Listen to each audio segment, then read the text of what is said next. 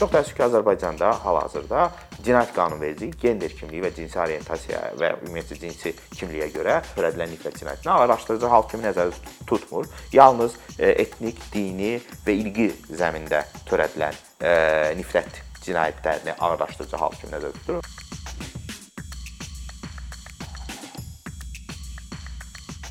Son zamanlar sosial şəbəkələr üzərindən tez-tez nifrət çağırışları eşidirik və xəbərlərdən də nifrət cinayətlərinin baş verdiyini öyrənirik. Ümumiyyətlə nifrət cinayəti nədir? E, niyə baş verir və onun qarşısını necə ala bilərik? Bu haqqda danışacağıq bu gün. Qonağımız hüquqşünas e, Səməd Rəhimlidir. Səməd, xoş gəlmisiniz. Xoş gördük. Dəvət üçün təşəkkür edirəm mən. Səməd, nifrət cinayəti ümumiyyətlə nədir? Nifrət cinayəti deyəndə ilk daha çox belə ilk hala gələn, yəni adam öldürmə, qətl, yəni və yaxud da ki, yaralanma, sağlamlığa zərər vurma hadisələri başa düşülür. Yəni bu ilk ağla gələndə daha çox ictimai rəydə başa düşülənlərdən söhbət gedir. Amma nifrət cinayəti daha geniş anlayışdır. Yəni sadəcə qətl və yaralama halları nəzərdə tutmur. Burada ilk növbədə aydınlaşdırmaq lazımdır ki, yəni cinayət deyəndə nə nəzərdə tutulur? Yəni cinayət deyəndə hüquqa zidd əməl nəzərdə tutulur. Hüquqa zidd, yəni qanunla, yəni hər hansı bir ölkədə qanun sayılan normativ aktlarla qadağan edilmiş və müəyyən cəza nəzərdə tutulan əməllər başa düşülür. Bu əməllərə, yəni Azərbaycanda bildiyimiz kimi cinayət əməlləri var və inzibati xəta əməlləri var. Amma yəni bu beynəlxalq təcrübədə yaxud da ki, nəzəri olaraq cinayət və inzibati xətalar hamısı bir yerdə belə deyim də cinayət əməli kimi sayıla bilər, kvalifikasiya oluna bilər. Məsələn, başqa ölkələrdə Anglo-Sakson ölkələrinə baxanda orada biz bilirik ki, feloniyalar var, bir də misdemenorlar var. Azərbaycan və yaxud da başqa təsnifatlar var. Azərbaycanda isə belə deyim də Sovet dövründən qalan bölgəyə əsaslanaraq belə deyim də ağır ictimai təhlükəliyi ağır olan əməllərə cinayət adlandırır qanunverici, digərlərini isə inzibati xəta adlandırır. Bu baxımdan nifrət cinayəti deyəndə biz sadəcə Azərbaycan Cinayət Məcəlləsində nəzərdə tutulan əməlləri yox, həmçinin yeri gəldiyində inzibati xətalar məcəlləsində inzibati xəta kimi təsnifləşdirilən əməlləri də başa düşürük. Burada əsas məsələ odur ki, bu qanunla qadağan edilmiş olsun və buna görə, buna görə müəyyən bir sanksiya Sanksiya da bu halda cəza və inzibati tənbeh kimi başa düşülür. Burada indi baxmaq lazımdır ki, yəni hansı predmet obyektlərə yönəlir cinayətlər. Yəni cinayətlər biz bilirik ki, şəxsiyyət əleyhinə cinayətlər var. Yəni ki, burada şəxsin fiziki toxunulmazlığı və mənəvi toxunulmazlığı əleyhinə törədilən cinayətlər var. Adam öldürmə və yaxud da ənənəvi adından qətl, sağlamlığa e, zərər vurmanın müxtəlif formaları adlandırılır, amma ənənəvi adından bu yaralanma, yaralama adlandırılır. E, yaxud da ki, belə deyim də, yeri gəldiyində e, insanın cinsi toxunulmazlığı əleyhinə törədilən zorlama və digər seksual xarakterli zorakılıq hərəkətləri, sağlamlığın digər formada pozulması, misal üçün əzab vermə və eləcə də misal mülkiyyət əleyhinə, şəxslərin mülkiyyəti əleyhinə cinayətlər, yəni mülkiyyətin qəsdən məhv edilməsi daha çox bu bu kontekstdə başa düşülür düşülür və eləcə də misal üçün digər əməllərdə mülkiyyət şəxsin şəxsiyyəti, onun bəzi hüquqları, misal üçün yer gəldikdə mənzil toxunulmazlığı, şəxsiyyət toxunulmazlığı və eləcə də onun mülkiyyəti, şəxsiyyəti, yəni fiziki toxunulmazlığı, onun hüquqları və mülkiyyəti əleyhinə törədilən cinayətlər hamısı əgər bu cinayətlər nifrət motivindən törədilirsə və yaxud da nifrəti təhrik etmək motivindən törədilirsə, bu halda bunlar nəzərə olaraq nifrət cinayəti adlandırılır. Bəzi bu məsəl ictimai qayda əleyhinə və dövlət əleyhinə cinayətlər olur. Bunlar adətən nifrət cinayəti sayılmır, amma ə, e, misal üçün bəzi hallarda, bəzi hallarda, yəni müstəsna hallarda, əgər hər hansı belə belə deyim də bir yerdə ə, e, hər hansı bir abidəyə ziyan vurulursa, bu ictimai qayda əleyhinə olan cinayət sayılır. Amma o da nifrət motivindən törədilirsə, bu da nifrət cinayəti sayıla bilər. Amma nifrət cinayəti üçün ilk növbədə şəxslərin, e, yəni hər hansı bir ictimai marağın deyil, ictimai qaydanın deyil, şəxslərin qurban olması lazımdır. Və burada cinayəti, yəni bu cinayəti digər cinayətlərdən fərqləndirən əsas motiv onun xuliqanlıq motivindən, məişət motivindən deyil, məişət motivi deyəndə məsələn dostluq münasibətləri zəminində deyil də, məhz ə, bərabərlik hüququ və antidiskriminasiya qadağası çərçivəsində qadağan edilmiş, yəni bərabərlik hüququnun əleyhinə bir pozuntu kimi qadağan edilmiş və eləcə də antidiskriminasiya tədbiri kimi qadağan edilmiş nifrət motivi və yaxud da düşmən nif, belə deyim də, nifrət əsaslı düşmənçilik yaratmaq, ədavət yaratmaq motivi ilə törədilməsidir və bu da nifrət cinayəti adlandırılır. Yəni ki, bunlara məsəl beynəlxalq təcrübədə nifrət cinayəti deyilir. Ən geniş yayılmış ən geniş yayılmış növləri təbii ki, qətl, yaralama və mülkiyyətin qəsdən məhv edilməsidir. Bəs nümunə olaraq məsələn nifrət cinayətini daha aydın başa düşək bir bir nümunə verə bilərsiniz ki, məsələn bu nifrət cinayətidir. Məsəl üçün fərz eləyək ki, kimsə yəhudidir, e, yaxud da ki, fərz eləyək ki, romandır, aydın. Onun evi var, gedib evini yandırırlar. Bir və yaxud da bir neçə şəxs onun gedib evini yandırır və onun evini yandırması, yandırılmasında məqsəd, motiv həmin şəxsin etnik, e, dini kimliyidir misal üçün irqi kimliyidir, aydındır. Bu halda əgər bu motivlə törədilirsə cinayət, bu nifrət cinayəti sayılır. Yox, iki nəfər mübahisə eləyibsə də, etnik kimliklərindən asılı olmayaraq, etnik kimlikləri eyni də ola, etnik, dini, irqi və yaxud da digər kimliyi eyni də ola bilər, fərqli ola bilər. O mübahisə zəminində, şəxsi mübahisə zəminində biri şəxs digərinə e, qəzəblənib, onun evini yandırıbsa da, onu qətlə yetiribsə də, onu yaralayıbsa da,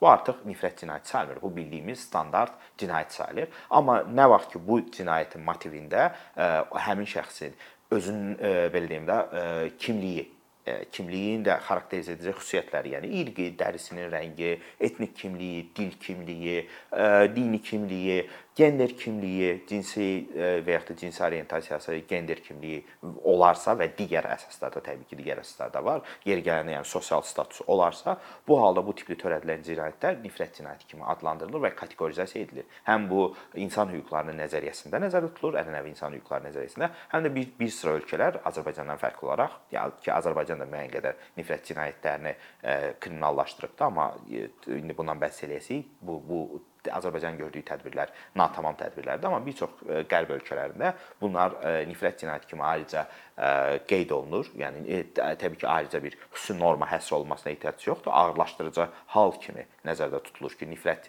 motivi ilə törədilirsə bu cinayətlər bu əməli ağırlaşdıran haldır və cəzanın daha ağır təyin cəzanın daha ağırlaşdırıcı, yəni daha yuxarı cəzanın təyin olunmasına əsas olur, əsas təşkil eləyir. Və bunlar belə deyim də ənənəvi insan hüquqları hüquqlarında nifrət cinayəti kimi e, adlandırılır və kateqorizasiya olunur.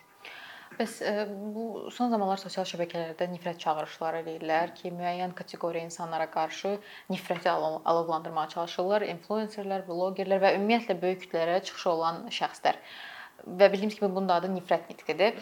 Nifrət nitqi ilə nifrət cinayətlərinin arasında əlaqə varmı? Əlaqə var, müəyyən əlaqə var. Nifrət nitqi yekununda nifrət cinayətinin törədilməsinə səbəb ola bilər. Məsəl üçün, e, deyildi ki, fərz elə ki, biz gedib romanların məhləsini yandırmalıyıq, fərz eləyək və yaxud da ki, yəhudiləri öldürmək lazımdır, erməniləri qırmaq lazımdır və s. və axır. Bunlar bəzən hətta zarafatlar ola bilər də, etnik zarafatlar ola bilər. Bunlar əgər belə deyim də, müəyyən artıq bir e, e, təhlükəlilik kateqoriyasına, yəni müəyyən bir e, çağırış olmasa ola bilər.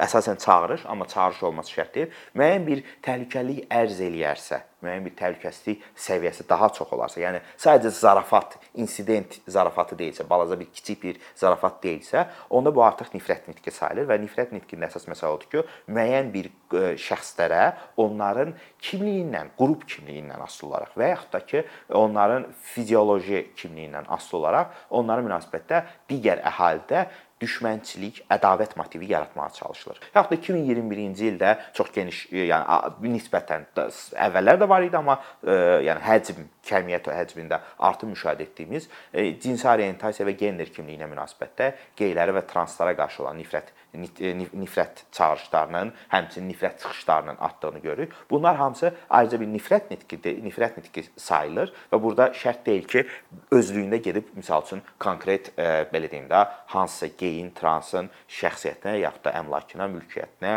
hüquqlarına qarşı birbaşa qəsd edilsin, qanunla qadağan edilmiş əməllər törədilsin. Burada əsas odur ki, misal üçün biz bunların hamısını məhv eləməliyik kimi, yaxud da bunlara bir öz yerinə otuzduran yoxdur kimi bir çağırış varsa, yaxud da ki, qeylər e, xəstəlikdir, cəmiyyətə cəmiyyətə xəstəlik yayırlar tipli çıxışlar, hə, çağırış olmasa belə, onlar cəmiyyətdən izolyasiya olunmalı tipli bir çıxışda oldu, çağırış da olmuşdu. Və yaxud da ki, onlar bizim milli mentalitetimizə uyğun deyillər, bizim dəyərlərimizə uyğun deyillər. Bu Azərbaycanda belə olmaz, yəni Azərbaycanda üzülən İraqlar olmaz tipində çıxışlar varsa da, bunlar nifrət nitqilər. Çünki burada məqsəd, yəni çıxış edənin məqsədi, ə, motivi ondan ibarətdir ki, o ə, əhalinin, yəni öz çıxışıyla əhalinin bir qismində ə, inandırmağa çalışır və yaxud da onlarda oturmuş inamları düşüncələri gücləndirməyə çalışır ki, bu qrupda bu qrup sırf kimliyinə görə, əməllərinə görə yox, yəni qanuna zidd əməllərinə görə yox hüquqa zidd əməllərinə görə yox, sırf kimliklərinə görə problemdir. Amma yəni artıq konkret əməl törədilirsə, məsəl üçün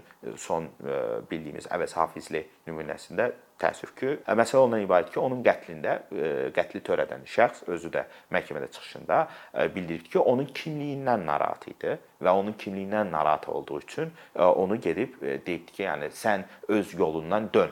Öz yolundan dön, yəni ki, sən qeysən, qey olma. Aydındır? Hə bu bu öz kimliyindən o şəxs dırnaq arasında deyirəm, imtina etmədiyi üçün onu qətlə yetiribdir. Bu belə xalis ən belə e, belə deyim də nümunəsindən, ən belə bariz nümunəsindən e, nifrət cinayətidir. Çox təəssüf ki, Azərbaycanda hal-hazırda cinayət qanunverici gender kimliyi və cinsi orientasiyaya və ümumiyyətlə cinsi kimliyə görə e, nifrət cinayəti törədilən nifrət cinayətini araşdırıcı hakim nəzərdə tutmur. Yalnız e, etnik, dini və ilqi zəmində törədilən e, nifrət cinayətlərini ağırlaşdırıcı hal kimi nəzərdə tutur. Ona görə də çox təəssüf ki, yəni bu halda biz görürük ki, bu halda, yəni bu qanunvericiliyin problemi olaraq bu halda Azərbaycan qanunvericiliyinin gözündə bu əməl nifrət cinayəti deyil və bu da ciddi problem yaradır. Çünki nifrət cinayətlərini ayrıca bir kateqoriya, yəni əməli ağırlaşdıran bir kateqoriya kimi nəzərdə tutulmasında məqsəd daha yuxarı cəzalar təyin edilməsində məqsəd ondan ibarətdir ki, bərabərlik hüququnun realizasiyası tam həyata keçirilsin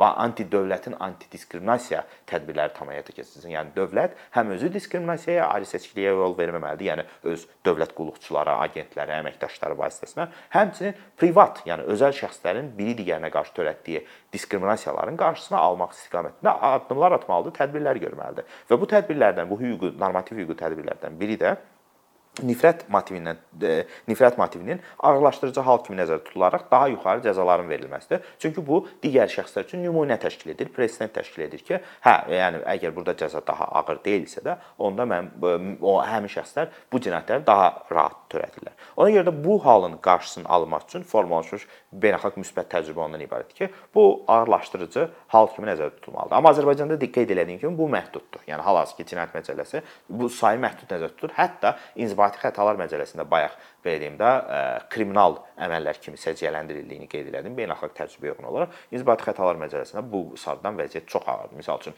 əmlaka əmlakın yandırılmaması olmaya bilər, olmaya bilər, amma əmlaka daha cüzi qəsd edilə bilər. Aydınmı? Və bu ə, əməllərə görə inzibati xətalar məcəlləsində ümumiyyətcə nifrət motivi ağırlaşdırıcı hal kimi xüsusilə də bu məsələlərə bağlı nəzərdə tutulmayıbdır onda nəticə nə olur? Yəni ki, bu əməllər ə, sadə standart cinayətlər kimi kateqorizasiya olunur və ağırlaşdırıcı deyil. Həm bu dövlət öz mövqeyini, simvolik mövqeyini qoymamış olur ki, ə, nifrət cinayətlərlə bağlı, həm də ki, bu əməllər təşviq edilmiş olur. Belə başa düşdüm ki, qanunvericiliklə bağlı təklif əsas təkliflərinizdən biri odur ki, nifrət motivi ağırlaşdırıcı hal kimi İnzibati Xətalar Məcəlləsinə və Cinayət Məcəlləsinə əlavə edilməlidir. Bundan əlavə hansı tədbirlər görülməlidir ki, daha effektiv olsun bu mübarizə? Təbii ki, təkliflərimdən biri budur, amma məsələ ondan ibarətdir ki, bu təklifin yeganə təklif olmadığını mən də fərqindəyəm. Ümumiyyətcə ilk növbədə başa düşmək lazımdır ki, nifrət cinayətləri dövlətin nifrət cinayətlərinə mübarizə aparılması dövlətin antidiskriminasiya öhdəliklərindən biridir və ümumiyyətcə Azərbaycan hökumətinin və ya Azərbaycan dövlətinin antidiskriminasiya tədbirlərindən bağlı müxtəlif səviyyələrdə hazır planı, mövqeyi və atmalı olduğu addımlar olmalıdır.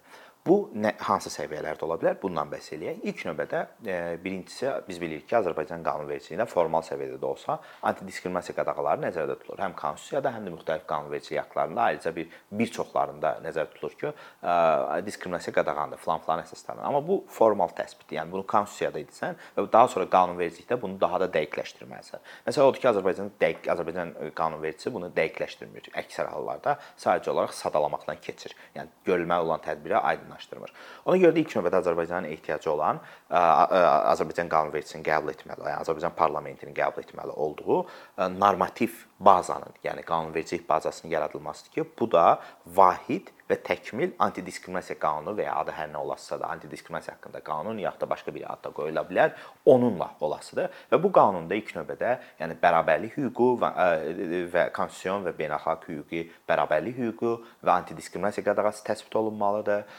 Göstərilməlidir ki, bu görülməli olan tədbirlər bu hüquqdan irəli gəlir. Daha sonra terminoloji baza aydınlaşdırılmalıdır. Bu mövzu Azərbaycan üçün, Azərbaycan praktikası üçün yenidir. Terminoloji baza buna görə aydınlaşdırılmalıdır. Daha sonra da iki təsnifat üzrə, yəni iki qrup üzrə bir dövlət sektorunun ə, müxtəlif, yəni hüquq mühafizə, mülki bürokratiya, hərbi bürokratiya və s. və ilaxırda ə, belə deyim də diskriminasiyaya yol verməməli olmasından bağlı öhdəlikləri və orada öhdəliklər sadalanmalıdır detallaşdırılmalıdır, konkretləşdirilməlidir və təbii ki, digər bir tərəfi də ondan gedir ki, e, belə deyim də, digər bir e, tərəf də odur ki, privat şəxslərin, yəni özəl hüquqi və fiziki şəxslərin, yəni e, insanların, təşkilatların, şirkətlərin belə deyim də, antidiskriminasiyaya yol verilməməsindən bağlı konkret öhdəliklər təsbit olunmalıdır və burada antidiskriminasiya qorunmalı olan qrupların, yəni mühafizə olunan qrupların siyahısı təkmilləşdirilməlidir. Hal-hazırda konstitusion səviyyədə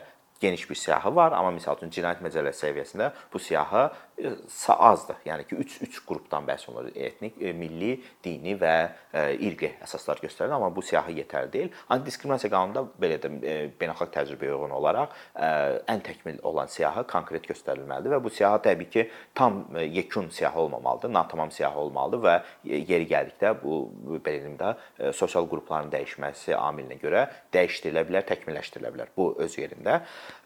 Bu ikinci məsələdir ki, bu edilməlidir burada Və burada belə deyim də, o antidiskriminasiya qanununda tə, e, tədbirlərdən biri kimi, yəni e, istiqamətlərdən biri kimi nifrət cinayətləri və nifrət nitqi ilə mübarizə tədbirləri də qeyd edilməlidir ki, dövlət burada e, müxtəlif tədbirlər görməlidir ki, bura həmçinin həm preventiv tədbirlər var, yəni qabaqlayıcı tədbirlər, məsələn dövlətin maarifləndirmə işi görməsi ki, buna yol verilməsin. Məsəl üçün statistikanın tutulması, yəni ayrıca bir statistika tutulmalıdır ki, törədilən nifrət nitqi, nitqləri nə olubdu, buna görə dövlət hansı tədbirləri görübdür, törədilən nifrət cinayətləri nə olubdur, hansı kateqoriyalar üzrə, regionlar üzrə, əhali qrupu üzrə və sair və axır bir statistik aydınlaşdırma olmalıdır preventiv tədbirlər kimi.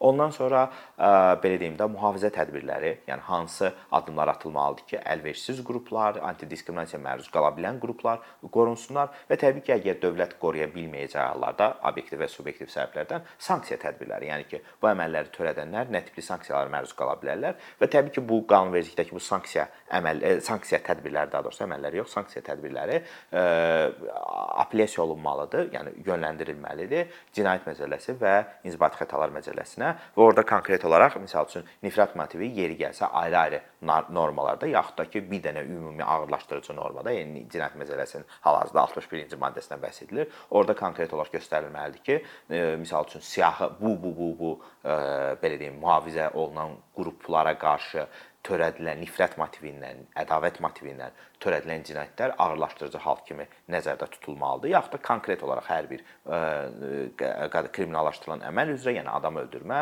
sağlamlığa zərər vurma, mülkiyyət əleyhinə törədilən cinayətlər, bunların hamısı üzrə bir-biri bu sadalanmalıdır ki, nifrət motivi ağırlaşdırıcı haldır və misal üçün bunun sanksiyası, yəni buna görə cəza və yaxud da inzibati tənbih bu qədərdir. Bu bu formada formulə edilə bilər, göstərilə bilər və eləcə də misal üçün yüngülləşdirici hallar siyahısında da göstərilməlidir ki, əgər cinayət nifrət motivi ilə törədilibsə də ona münasibətdə digər yüngülləşdirici hallar tətbiq e, misal yüngül falan-falan yüngülləşdirici hallar tətbiq edilə bilməz. Yəni bu da göstərilməlidir ki, yüngülləşdirici hallardan faydalana bilməsinlər. Sadəcə ağırlaşdırıcı hal kimi yox, həm də yüngülləşdirici hallardan faydalanmamaq məsələsi də göstərilməlidir. Qısa olaraq son sualım olacaq. E, tarixdə və ya bəlkə də yaxın, yəni ki, e, bir, bir neçə əsri götürsək də, hansı ölkələrdə əgər bu nifrət cinayətləri baş verirsə, belə deyək də kütləvi şəkildə baş verirsə və dövlət buna birbaşa müdaxilə edəndən sonra müsbət nəticələri görüblər. Yəni belə nümunələr varmı? Yəni onlar hansı siyasətdən istifadə ediblər ki, bu nəticəyə gələ biliblər? Təbii ki, yəni nifrət e,